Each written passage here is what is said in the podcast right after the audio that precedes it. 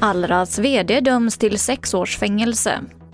Tio år sedan terrorattentaten i Norge. Och en hembygdsförening skapade en helt ny sandstrand med 72 ton sand, men utan tillstånd.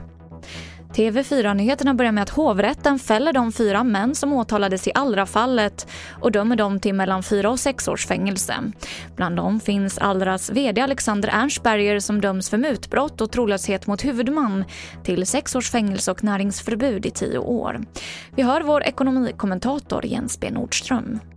Nej, men jag får nog säga att eh, lite förvånad man lyckas eh, föra det här hela vägen fram. För att eh, i tingsrätten gick man ju ganska rejält på pumpen och tingsrätten sa att man inte kunde utesluta att de här affärerna faktiskt var legitima. Men här har ju åklagaren lagt ett ganska stort jobb på att bulla upp med fler expertvittnen och framförallt att koppla ihop de här varantaffärerna som har blivit ifrågasatta tillsammans med de aktieköp som sen gjordes och som åklagaren hävdade liksom var en förutsättning att man gjorde det ena för att sen göra det andra.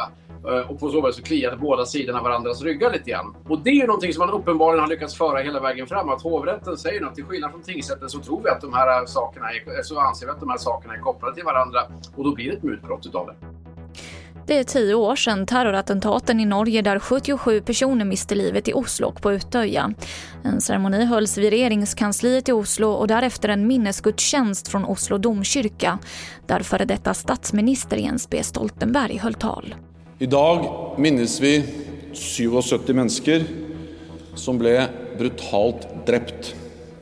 Åtte av dem i regjeringskvartalet, demokratiets hjerte. På jobb for land og folk.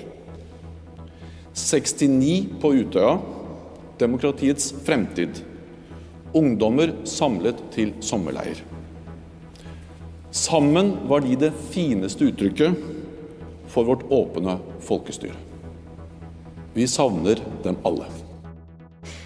Och en hembygdsförening utanför Kiruna skapade en helt ny sandstrand med 72 ton sand, men utan tillstånd.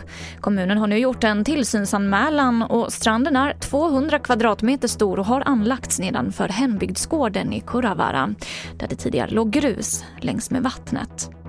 Och det här var det senaste från TV4 Nyheterna. Jag heter Emily Olsson.